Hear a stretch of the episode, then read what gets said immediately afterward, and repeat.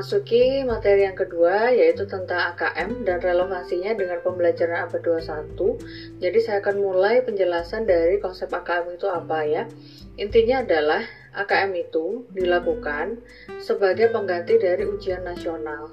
Nah, tetapi bukan sekadar sebagai pengganti saja, tetapi ruang lingkup yang, ditel yang diukur dari pelaksanaan asesmen kompetensi minimum ini berbeda dengan ujian nasional karena dalam AKM ini yang dinilai adalah ini kom, apa mutu proses dan hasil belajar dari suatu satuan pendidikan dasar dan menengah di seluruh Indonesia.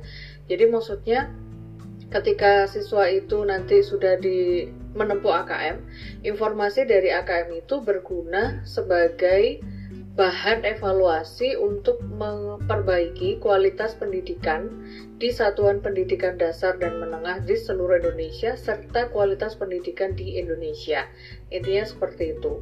Nah, lalu pada saat AKM ini dihadapkan kepada siswa, maka yang diukur apanya yang diukur dari siswa gitu ya.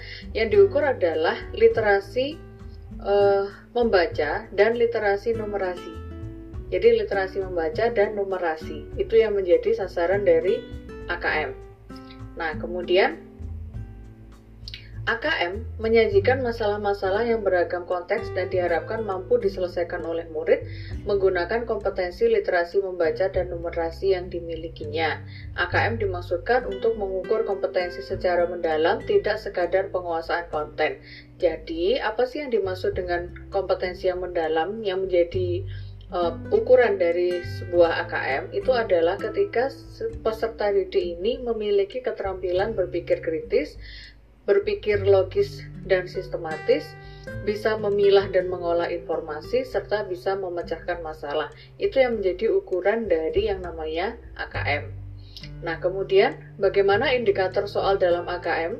Pertama, soal-soal dalam AKM itu dibuat secara otentik dan kontekstual, artinya bahan-bahannya, tema-temanya, pertanyaannya itu sesuai dengan kebutuhan peserta didik setelah selesai dari sekolah gitu ya.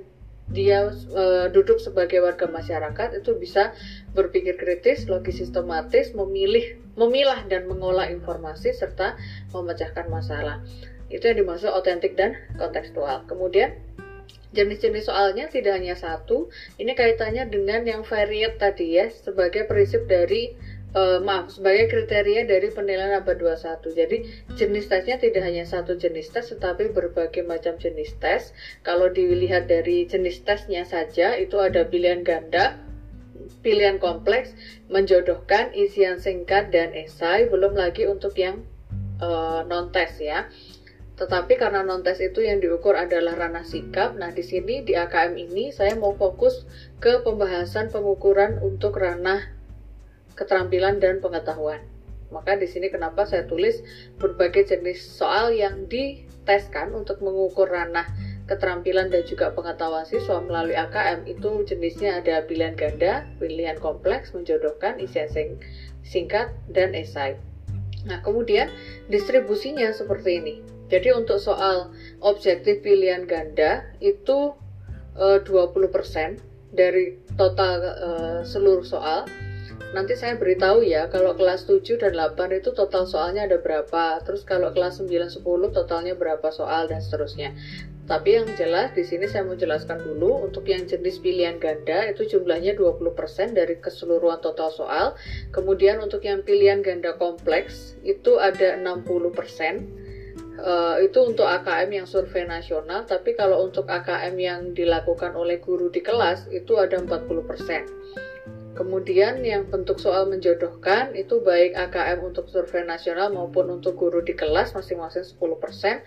Terus untuk yang isian singkat atau menjawab singkat itu masing-masing 5%. Terus untuk yang non objektif atau esai itu untuk yang AKM survei nasional 5%. Terus yang untuk AKM yang dilaksanakan di kelas itu 25%. Jadi jangan bingung, namanya AKM itu ada dua.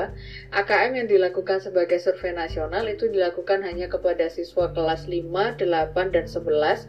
Terus ada juga AKM yang dilakukan oleh guru di sekolah. Nah, di kelas, maaf. Kalau AKM yang dilakukan oleh guru di kelas itu ya semua kelas dari mulai kelas 1 SD sampai dengan kelas 12 SMA seperti itu.